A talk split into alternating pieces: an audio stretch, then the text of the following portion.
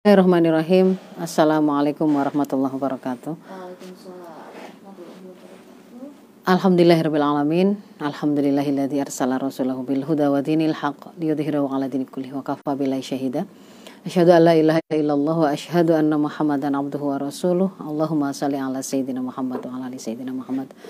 Uh, dulu El Victor dan Mbak Elvina yang dirahmati Allah. Alhamdulillah pada pagi hari ini insya Allah Uh, semoga semuanya dalam keadaan sehat walafiat, dalam keadaan diberkahi semua urusan kita, dan juga kita diberikan kemampuan dan kemudahan untuk menyelesaikan semua amanah-amanah kita. Uh, hari ini kita akan membahas tentang Hallyu dan saya kaitkan dengan generasi yang kemudian akhirnya banyak menjadi halu itu gini jadi gini. Yes, iya, kalau yang mungkin dulu kita yang belum mengerti uh, Hallyu itu apa? Hallyu itu adalah uh, demam budaya Korea ya disebut sebagai dem, uh, demam budaya Korea. Mungkin emak-emak uh, yang kemudian uh, punya anak usia kuliah SMA, mungkin ada di antara anak-anak mereka anak-anak kita itu yang kemudian uh, punya idola ya yang yang dipasang di poster-posternya di kamar-kamarnya itu itu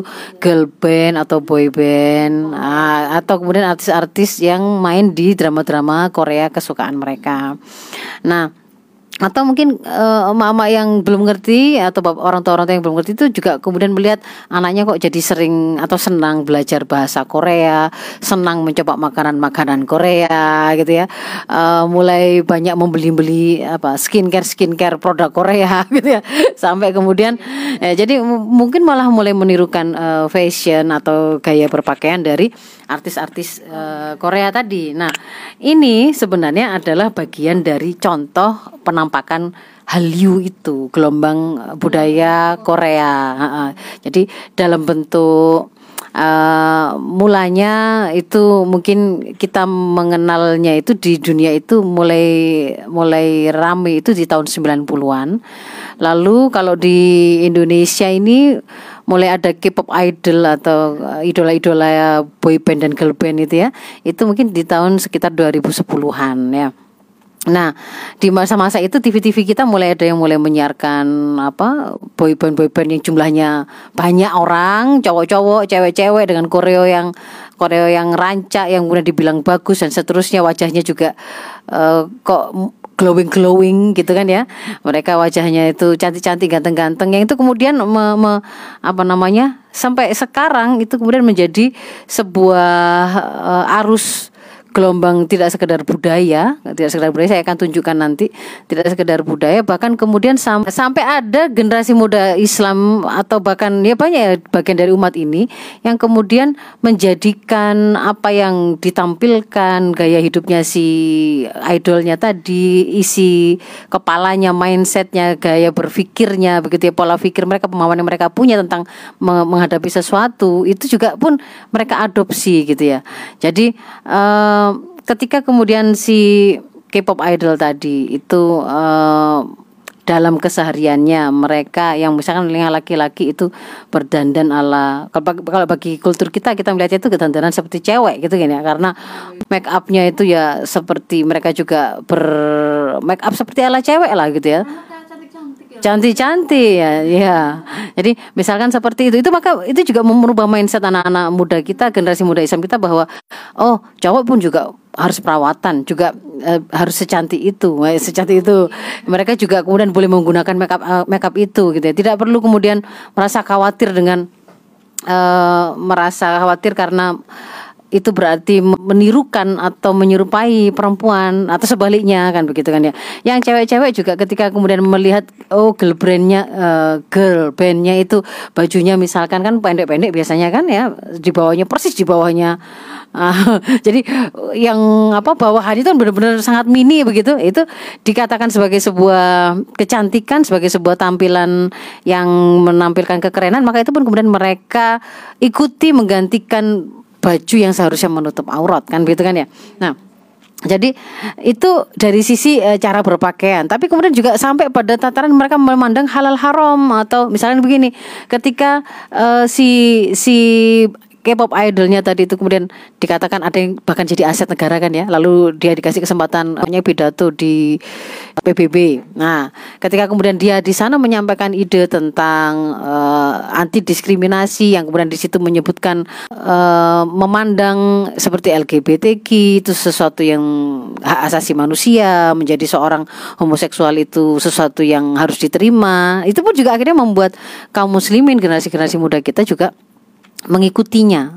Tanpa kemudian uh, apa menyisakan di sana itu uh, rasa rasa ketidak ketidak cocokan karena di dalam Islam kan jelas ya bahwa itu uh, menjadi gay menjadi homoseksual itu kan sesuatu yang terlarang. Bahkan dikatakan sebagai perbuatan kecil itu juga mulai mulai mulai di apa di di kropos gitu ya. Menjadi kropos pemahamannya seperti mulai kropos. Nah yang lebih parah lagi itu kemudian masuk ke dalam uh, kehaluan yang saya sampaikan tadi. Kehaluan itu seperti apa kehaluan itu?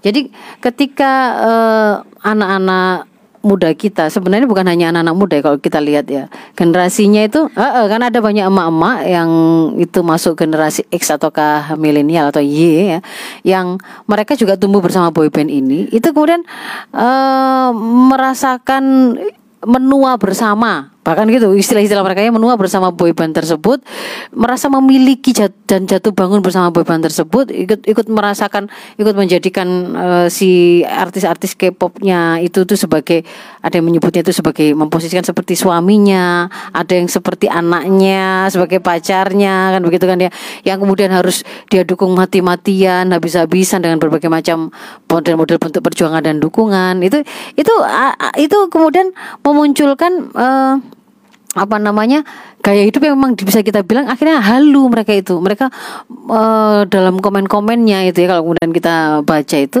sangat halu nggak masuk akal itu tadi ya. Jadi dia sebenarnya punya suami di rumah gitu ya. Tetapi membayangkan si siapa itu artis-artisnya tadi itu adalah suaminya begitu kan ya. Dan itu kemudian memenuhi isi pikirannya karena kemudian dia bahkan ketika ada suaminya itu melarang gitu ya melarang melarang istrinya itu uh, menyimpan uh, menyimpan semua foto-fotonya mengupdate itu dan kemudian apa menyampaikan cita-cita atau keinginannya bersama dengan sang sang biasnya atau uh, idolanya tadi. Itu kan dia kemudian malah bisa menjawab e, kamu kan hanya suamiku gitu ya kamu suamiku di dunia nyata tidak berhak untuk mengatur suamiku di kehidupan maya gitu ya. jadi jadi ini kan contoh bentuk kehaluan ya ada lagi yang tidak semata-mata pada konteks halu bahkan uh, ada ada banyak juga eh, kemudian generasi kita itu yang potensi yang kita punya apakah itu umur ataukah itu harta apakah itu perhatian pikiran ya kreativitas kita dalam membuat satu produk itu kemudian tercurahkan kepada yang mereka sebut perjuangan membela idolnya tadi. Misalkan gini saya pernah baru saja kemarin itu me, nggak sengaja nyekrol ketemu dengan sebuah video dari emak-emak gitu ya. Emak-emak ini dia bilang uh, saya lihat fenomena intinya intinya nggak persis ya nggak persis nukilannya tapi intinya gini dia bilang lihat fenomena anak-anak anak-anak lebih muda dari dia yang sekarang itu jadi fandom fandom fandom itu adalah fans fans fanatik dari grup-grup uh, K-pop Korea pop ya Ya, misalkan ada fandomnya BTS, fandomnya Super Junior, fandomnya kayak gitu gitulah. Nah, si emak-emak ini yang ada di video itu bilang begini bahwa uh, saya itu melihat anak-anak muda sekarang itu itu memang itu seperti aku dulu waktu masih muda gitu ya. Saya tuh dulu juga gitu ngikutin uh, terus harus melakukan vote supaya jagoan itu tidak sampai kalah, supaya dia tetap di di apa deretan tanggal lagu tertinggi ya. Kalau dia itu live saya harus ikutin stream dia harus dia harus ikutin. Kalau dia keluaran produk apa saja, album apa saja saya beli. Tapi ketika kemudian sekarang saya katanya ya, saya itu sudah sudah menikah, sudah punya anak, kerja juga uh, seharian, seminggu penuh, akhirnya nggak sempat bagi mama seperti saya hanya hanya apa namanya bisa bisa mengikuti dan masih ingat lagu-lagunya sudah syukur katanya gitu. Nah, lalu yang menarik itu sebenarnya bukan si bukan si statementnya si mama ini, tapi yang kemudian me membalas membalas video si emak-emak ini sama-sama sama mamanya gitu. Ya si yang membalas mengatakan, "Jadi gini loh ya, Mbak ya," gitu ya saya itu juga emak-emak, saya juga punya anak dua, saya juga punya suami yang harus diurus, saya juga punya anak, saya juga bekerja Sab Senin sampai Sabtu gitu katanya.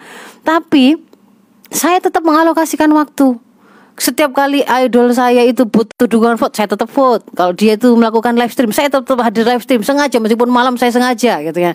Saya juga membeli album-albumnya. Karena itu bentuk dukungan saya untuk perjuangan idol saya Nah, artinya, artinya kan apa? Sampai ada orang yang sampai seperti itu memposisikan, memposisikan, uh, memberikan dukungan kepada idolnya tadi itu seperti perjuangan yang harus dia lakukan. Padahal yang kenapa menjadi concern kita ini kan seorang muslim padahal gitu loh. Ini seorang muslim bukan bukan kemudian orang yang tidak punya uh, identitas dan gaya hidup sendiri sebenarnya kan begitu. Nah, jadi kalau kemudian hari ini mungkin kita tidak pusing dengan istilah-istilah yang dibawa oleh si si Hallyu atau gelombang uh, demam budaya Korea ini, tapi yang jelas mungkin dulur Ek Victor dan semua saudara-saudara kita yang eh, hari ini menyimak perbincangan kita sama-sama sepakat bahwa hari ini terasa sekali kan ada sebuah arus budaya, budaya Korea itu yang sedang menjadi demam. Bahkan itu ada pada anak-anak kita yang perempuan maupun laki-laki emak-emak. Ada juga ada juga eh, yang bapak-bapaknya juga yang yang laki-laki juga gitu.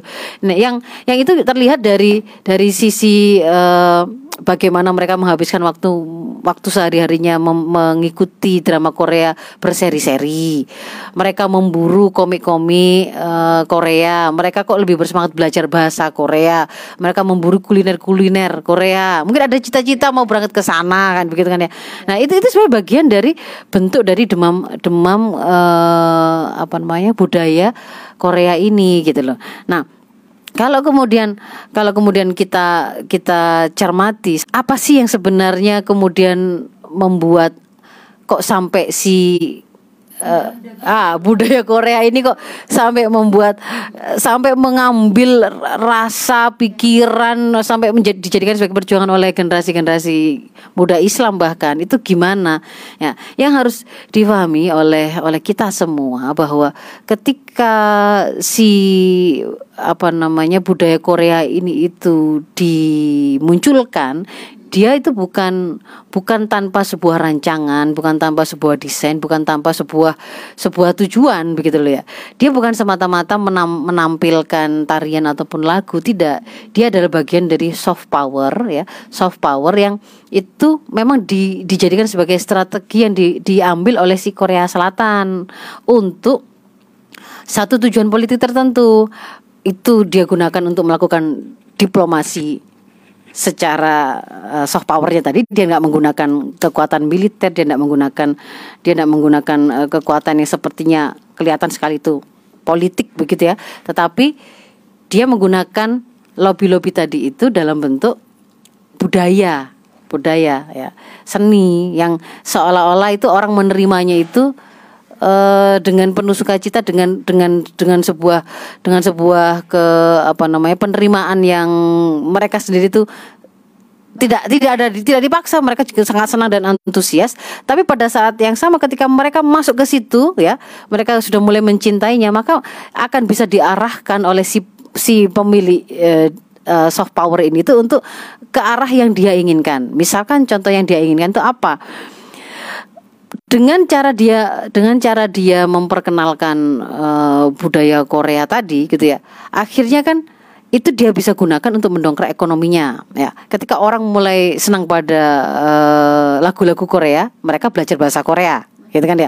Mereka mengejar spot-spot yang dijadikan tempat syutingnya drama-drama Korea. Akhirnya ada yang memasukkan dalam Eh, cita-cita destinasi destinasi wisatanya. Nah, mereka mau ke, ke Korea ke sini ke sini ke sini.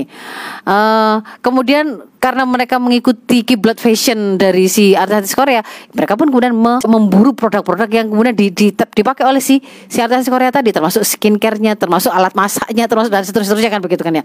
Nah itu kan kemudian menjadi pemasukan tersendiri Nah, apalagi kemudian mereka uh, dengan bagusnya itu kemudian me menjadikan si fans-fans ini itu bahkan sampai pada tataran menjadi fans fanatik yang kalau disebut ke kesetiaan itu kesetiaan sifatnya patologis.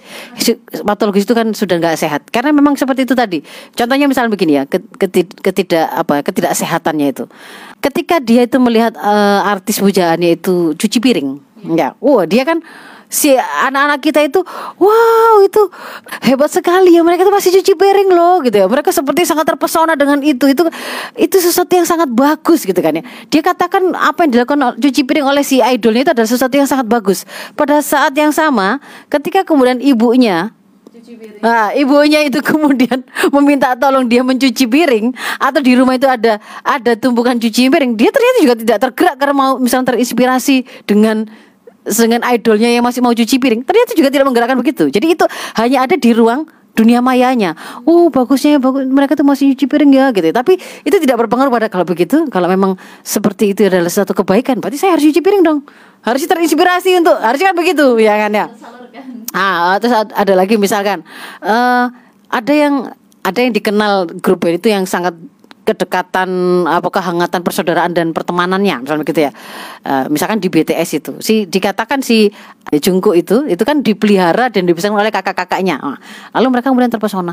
Oh gitu ya rasanya dibesarkan dengan uh, orang tua apa dengan kakak-kakak yang hangat saudara yang menyayangi enaknya begitu ya. Pada saat yang sama gitu ya dia juga punya adik loh sebenarnya.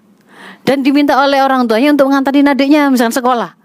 Tapi dia tidak senang dengan itu. Malas melakukan itu. No.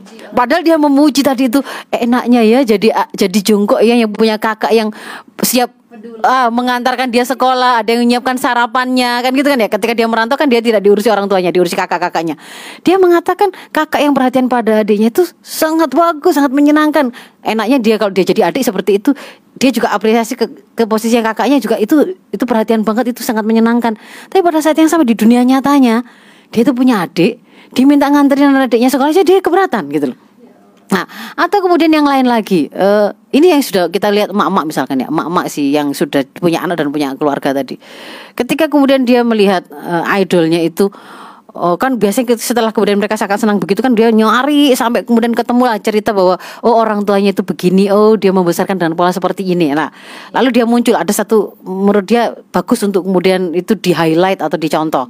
Dia katakan oh ternyata uh, si idol kita ini itu multi talenta seperti itu itu karena dibesarkan oleh ayah dan ibu yang hangat penuh kasih sayang selalu mendampingi anaknya perhatian. Nah pada saat yang sama di dunia nyatanya gitu ya ibu ini itu nggak nggak merasa menikmati menikmati, uh, eh, menemani anaknya ngerjain PR menyelesaikan masalah-masalah tidak sinkron gitu loh tidak sinkron betul. Jadi itu yang saya katakan itu hidup dalam kehaluan gara-gara Hallyu ini gara-gara gelombang Korea ini dan itu harus diakhiri kalau kemudian kalau kita bicara ini generasi muda Islam ini harus diakhiri gitu loh. Uh, kenapa kemudian ini menjadi sesuatu yang perlu kemudian kita angkat karena ternyata secara angka Mbak Mbak Vina ya uh, K-pop fans itu terbesar itu jumlahnya memang di Indonesia. Ternyata terbesar itu di Indonesia. Indonesia lalu Jepang lalu Filipina lalu baru Korea Selatan. Jadi jumlah kita itu terbesar.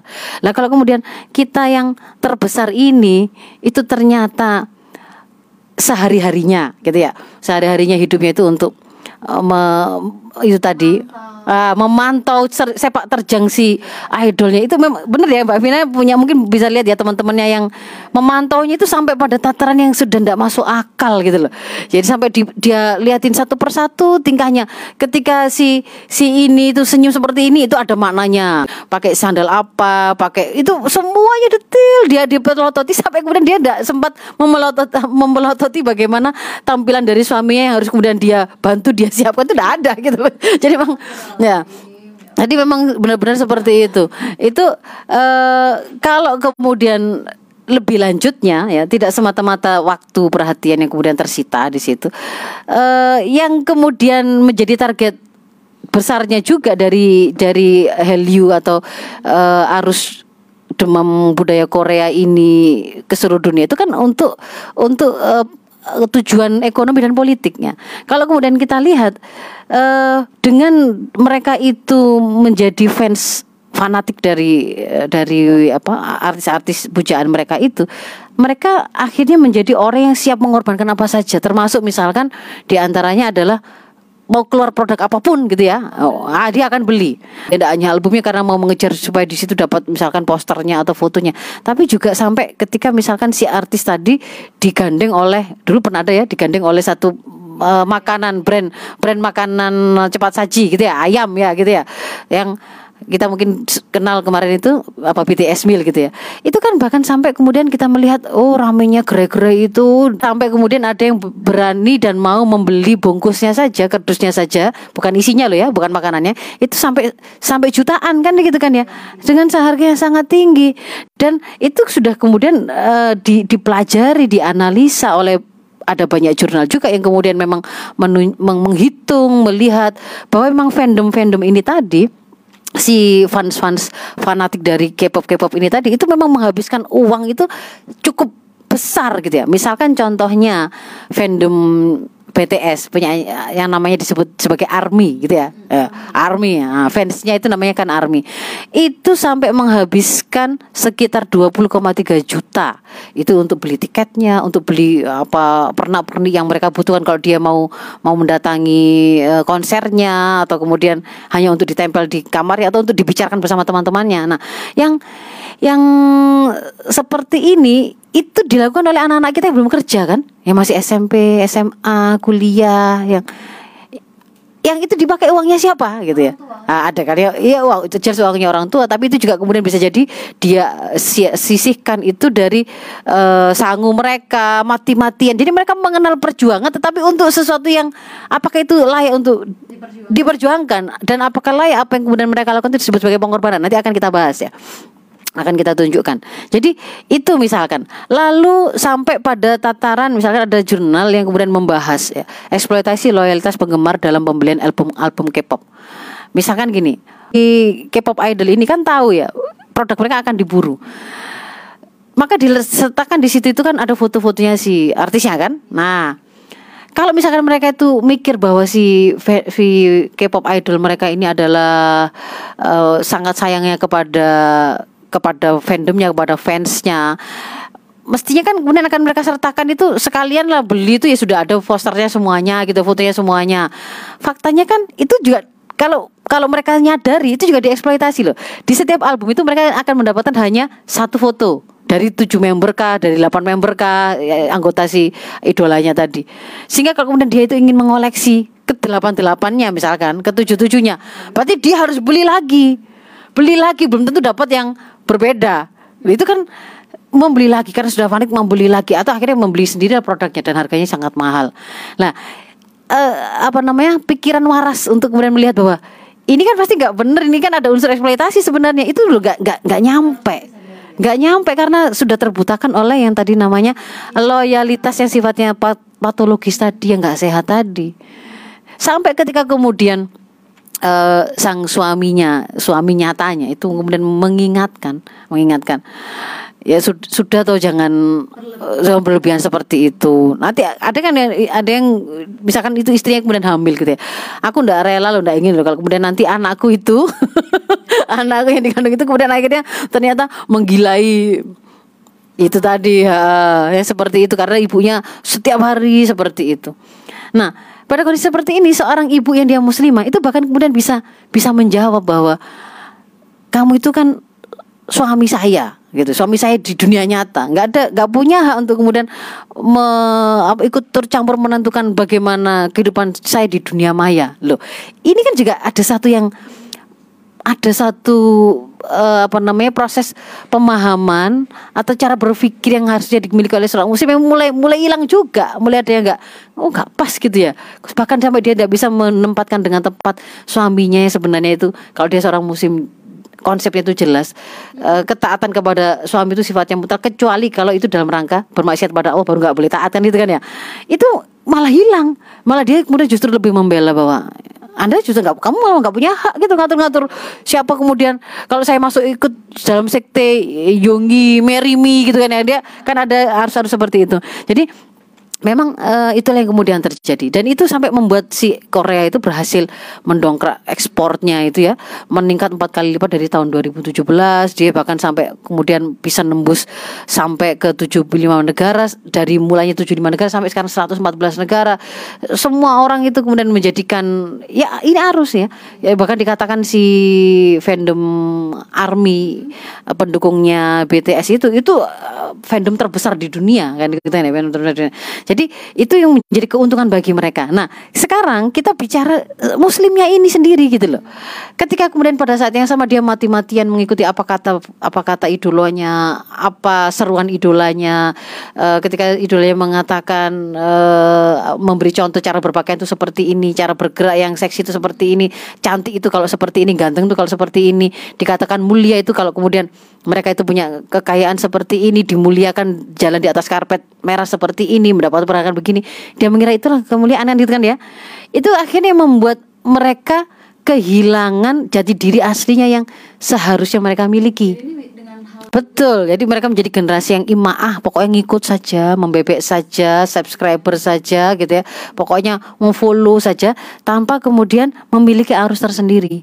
Padahal di situ ada banyak hal yang jelas-jelas ber, bertentangan. Coba saya ah, saya coba tunjukkan satu persatu. Misalkan eh ketika ke, kenapa kemudian generasi kita itu menjadikan mereka itu mereka si idol-idol K-pop itu menjadi suatu sosok yang mereka anggap sangat ideal, inspirasi mulia?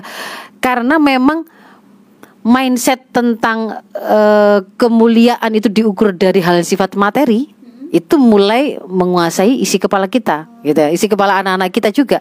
Bahkan kalau kemudian mereka ditanya Gimana sih ukuran kebahagiaan menurut kamu? Itu ada yang bahkan kemudian menyebutkan begini jelas sekali itu ada salah satu penelitian itu eh, yang kemudian me, me, mewawancari beberapa generasi milenial gitu ya Z dan milenial ketika ditanya sukses itu kalau menurut kamu itu kayak gimana?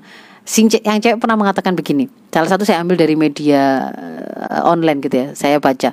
Menurut gue sukses itu kalau gue udah kayak Jennie Blackpink. Nah, langsung nyebut contohnya gitu ya.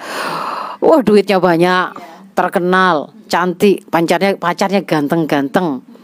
Itu namanya sukses banget sih kalau kayak gitu tuh. Kayaknya kalau hidup gue kayak si Jenny itu, uh sukses banget, bahkan bahagia banget. Jadi kalau kayak gitu itu, yang kayak begitu itu, oh ukuran kebahagiaan. Tanpa kemudian di situ dia terbersit sedikit pun bahwa membuka aurat di situ, apakah sesuatu yang benar ataukah tidak benar, halal ataukah haram, apakah kemudian uh, gaya hidup idolnya yang minum-minum alkohol, yang kemudian uh, apa namanya juga melakukan perilaku yang seks yang bebas juga pergaulan yang bebas itu kemudian sesuatu yang berat ketika itu sudah mulai mulai menjadi luntur gitu menjadi hilang gitu kan ya. Dan ini ini tentu saja berawal dari mana uh, dari kesadaran akan akan siapa jadi diri kita sebagai seorang muslim itu yang memang mulai luntur. Jadi kalau kemudian dia sampai menjadikan ujung dari capaian tertinggi itu adalah eh, prestasi-prestasi yang sifatnya materi saja ya. Dan itu memang eh, apa namanya? Penelitian atau surveinya itu ketika ditanya gitu ya, memang apa sih yang dimaksud dengan sukses oleh oleh pria milenial? Dia nyebutnya itu adalah kalau minimal gaji itu 1,7 miliar setahun. Kalau yang laki-lakinya gitu ya.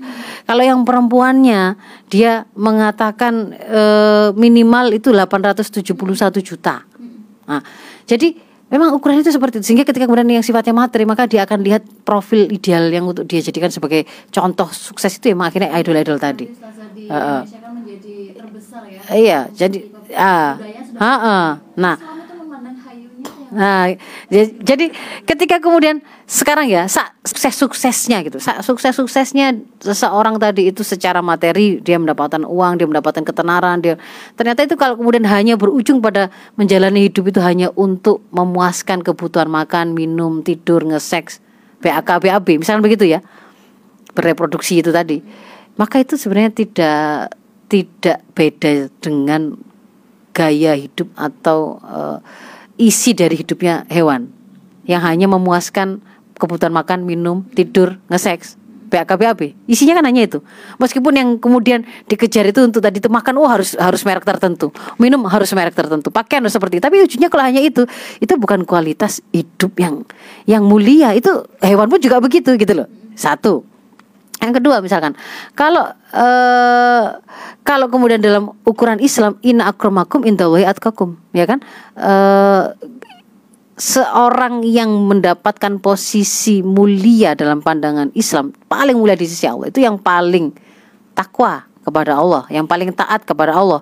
Jadi bukan dari paling tinggi gajinya, kemudian supaya dia itu bisa menjadi mulia, yang paling banyak fansnya, yang paling terkenal, enggak gitu loh, enggak, enggak, enggak begitu. Tetapi yang paling paling taat, paling paling nurut sama Allah, itulah yang kemudian sebenarnya paling mulia. Ada yang kemudian mengatakan begini, sebenarnya kalau kemudian anda itu mabuk agama gitu ya. hari ini kan sering kali orang orang berusaha mereduksi ketaatan kita pada agama dengan menyebutnya sebagai mabuk agama kalau kalian tuh mabuk agama kayak begitu sebenarnya itu kalian sedang diperbudak oleh oleh agama kalian gitu ya oleh agama kalian oleh Tuhan kalian nah saya mau mau mau mengajak semua kita itu untuk berpikir jadi sebenarnya setiap kita, setiap kita itu pasti diperbudak atau di apa namanya? ya diperbudak oleh sesuatu. Ada yang misalkan, saya ambil contoh, ketika si artis kah, si model kah sampai kemudian dia itu merasa tidak pede kalau nggak tampil dengan bulu mata tambahan, ndak dengan make up yang full, ndak kemudian keluar dengan baju yang mini, badan yang langsing gitu ya. Itu kan sebenarnya dia sedang sedang didesain mengikuti diperbudak untuk disuruh nurut kepada ukuran cantik sesuai dengan yang hari ini mungkin budaya itu sedang mengatakannya, mengajarkannya kan gitu kan ya. Jadi ada yang kemudian dia itu dipaksa untuk nurut kepada kata orang, uh, kata netizen, kata budaya, kata kearifan lokal dan seterusnya yang itu sampai membuat mereka itu ada yang sampai nggak makan nggak makan nasi hanya makan tisu supaya tetap langsing. Mudah-mudahan kan sampai seperti itu. Itu sebenarnya posisinya sebenarnya diperbudak oleh sesuatu. Nah kita kita itu muslim itu hanya mau meletakkan ketaatan yang sifatnya mutlak tadi itu kepada zat yang menurut kita paling layak untuk kita taati yaitu siapa? Ya pencipta kita dan alam semesta ini. Karena dialah yang sudah mengadakan kita dari tidak ada membuat kita itu memiliki hidup dan memberi kita seperangkat untuk menikmati hidup itu itulah yang paling lain untuk kita taati. Bukan kemudian bukan orang lain bukan bos kita bukan artis bukan fans kita yang kemudian akhirnya menyuruh-nyuruh kita kamu harus begini tampilannya kamu harus ngomong seperti ini kamu harus punya pikiran seperti ini. Itu justru sebenarnya adalah sebuah bentuk perbudakan yang tidak layak dilakukan gitu loh. Kita kita memang hamba hamba tapi kepada zat yang layak untuk kita berikan ketaatan yaitu pencipta kita dan alam semesta ini. Baik Dulur Al Victor, kita jeda terlebih dahulu dan nanti kita juga berikan kesempatan untuk Dulur Al Victor yang ingin bertanya silahkan setelah jeda iklan berikut ini. Yang selalu bikin cinta hanyalah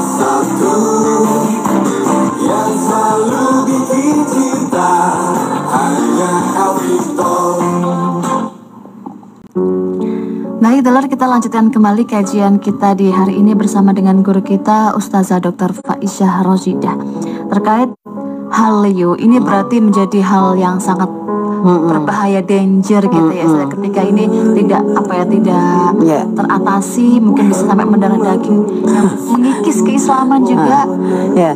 ada mungkin ada hal lain yang saya ingin saya mungkin kalau bahas uh, sangat detil dan menyelesaikan menyelesaikan semua persoalan terkait dengan ini memang tidak mungkin dalam kesempatan ini ya. Tapi saya ingin memberi beberapa apa eh, titik-titik yang harusnya kemudian titik kritis yang kemudian difikirkan oleh hari ini yang mungkin ada di antara kita yang jadi bagian dari fans-fans fanatik dari si Hallyu ini tadi ya, mm -hmm. demam budaya Korea ini tadi. Contohnya misalkan begini, uh, yang lain ya Eh, ketika kemudian menjadikan membela perjuangan dari si fandom uh, si si si, si K-pop idol tadi itu sebagai perjuangannya hmm. yang dia pilih ya yang dia pilih. Bahkan itu malah menggantikan perjuangan dia menyiapkan anaknya jadi orang yang sukses dunia akhirat. Hmm. uh, menggantikan hikmah atau pelayanannya kepada suaminya. Itu digantikan kepada ini tadi kan loyalitasnya kan diberikan kepada idolnya ini tadi. Maka coba dipikirkan lagi apakah memang benar itu sesuatu yang layak untuk dijadikan sebagai sebuah pilihan perjuangan? Hmm. karena mereka mengira emang itu tuh benar-benar sesuatu yang harus layak dan harus mereka lakukan. Memang mereka, jadi memang rasa-rasa perasaan mereka itu memang mereka untuk terlibat di situ. nyetopnya itu gimana ah, ya makanya kan ada istilah kan saya e, pintu masuknya menjadi fandom itu karena si idola A dan pintu keluarnya ditutup oleh idola B. Artinya dia terjebak tidak bisa keluar dari menjadi fans fanatik gara-gara sudah ini memang menemukan menemukan artis yang gitu ya kayak kayaknya udah sempurna menurut mereka. Nah, kalau artisnya mereka itu kemudian menjadikan kesuksesan itu dengan cara dia terkenal, dia mendapatkan gaji yang kemudian akhirnya seperti ini seperti ini, dia jadi brand ambassador di sini-sini, dia terpilih seperti menjadi apa artis terganteng di tahun ini ini ini gitu kan ya, bersertifikat bahkan gitu katanya. Itu itu menjadi sesuatu hal yang wajar mereka lakukan karena mereka bukanlah seorang muslim kan gitu kan ya mereka belum mengenal bahwa dia ada di kehidupan ini bukan bukan tiba-tiba, hmm. bukan tidak sengaja, tetapi diadakan, diadakan oleh siapa? Diadakan oleh sang penciptanya, pencipta alam semesta, dirinya dan semua apa yang ada dalam tubuhnya. Kalau kalau uh, para dulur El Victor dan pendengar lihat artis-artis yang mereka idolakan itu kalau ditanya mayoritasnya itu tidak beragama, semuanya banyak yang tidak beragama. beragama. Banyak sekali yang tidak beragama mayoritasnya bahkan misalkan ada dari 8 orang 10 orang itu mungkin yang mengaku punya agama itu dua tapi yang lain-lain itu tidak beragama. disadari ah, biar kita tuh tidak terlalu mengidolakan mereka ah, karena kita kan punya agama juga. Ah, faktanya gini akhirnya seolah-olah kita beragama ber, beragama pun itu gara-gara melihat artisnya itu yang seperti itu yang hmm. itu pilihan gitu ya. Ada yang beragama dan tidak beragama. Dia pun juga merasa si muslim ini akhirnya juga merasa bahwa kita menjadi seorang muslim itu juga kebetulan atau juga pilihan.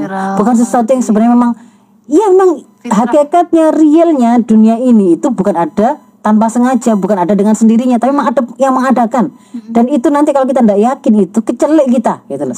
Ketika dikabarkan bahwa nanti itu ada kehidupan akhirat, ada pertanggungjawaban, itu memang hakikatnya begitu. Itu bukan ide, bukan semata-mata ide yang bolehlah kita ambil, kita percaya atau tidak. Hmm. Jadi ketika kemudian Allah misalkan mengkabarkan bahwa nanti itu ada hari kiamat yang membuat matahari digulung, bumi hmm. mengeluarkan isinya, langit itu dihilangkan, lalu dinyalakan, ada neraka jahim, ada gambaran surga yang didekatkan dan seterusnya, ada perhitungan amal. Itu real, itu sungguh benar-benar ada se serial ketika Islam mengabarkan bahwa uh, apa namanya ada bayi di dalam rahim yang itu ada dalam kondisi, kondisi kokoh yang itu dikabarkan ketika orang belum menemukan USG gitu kan ya. Hmm, yeah. Serial bahwa ketika kita belum tahu bahwa yang namanya gunung itu berjalan. Al-Quran sudah mengabarkan gunung itu berjalan.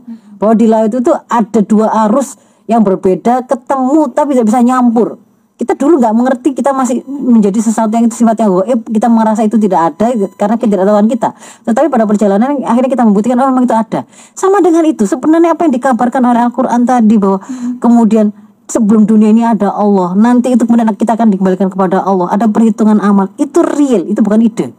Kalau kita tidak meyakininya, kita akan kecelik dan akan hakikinya itu kita itu akan sengsara gitu ya, tersesat sendiri. Nah, jadi kalau kemudian mereka si idolnya itu nggak ketemu dengan tujuan uh, tujuan akhir saya sehingga perjuangan yang lain kemudian saya tetapkan itu adalah bagaimana saya bisa kembali kepada pencipta saya dalam keadaan diridhoi olehnya, hmm. mendapatkan surga dan nikmat hmm. darinya.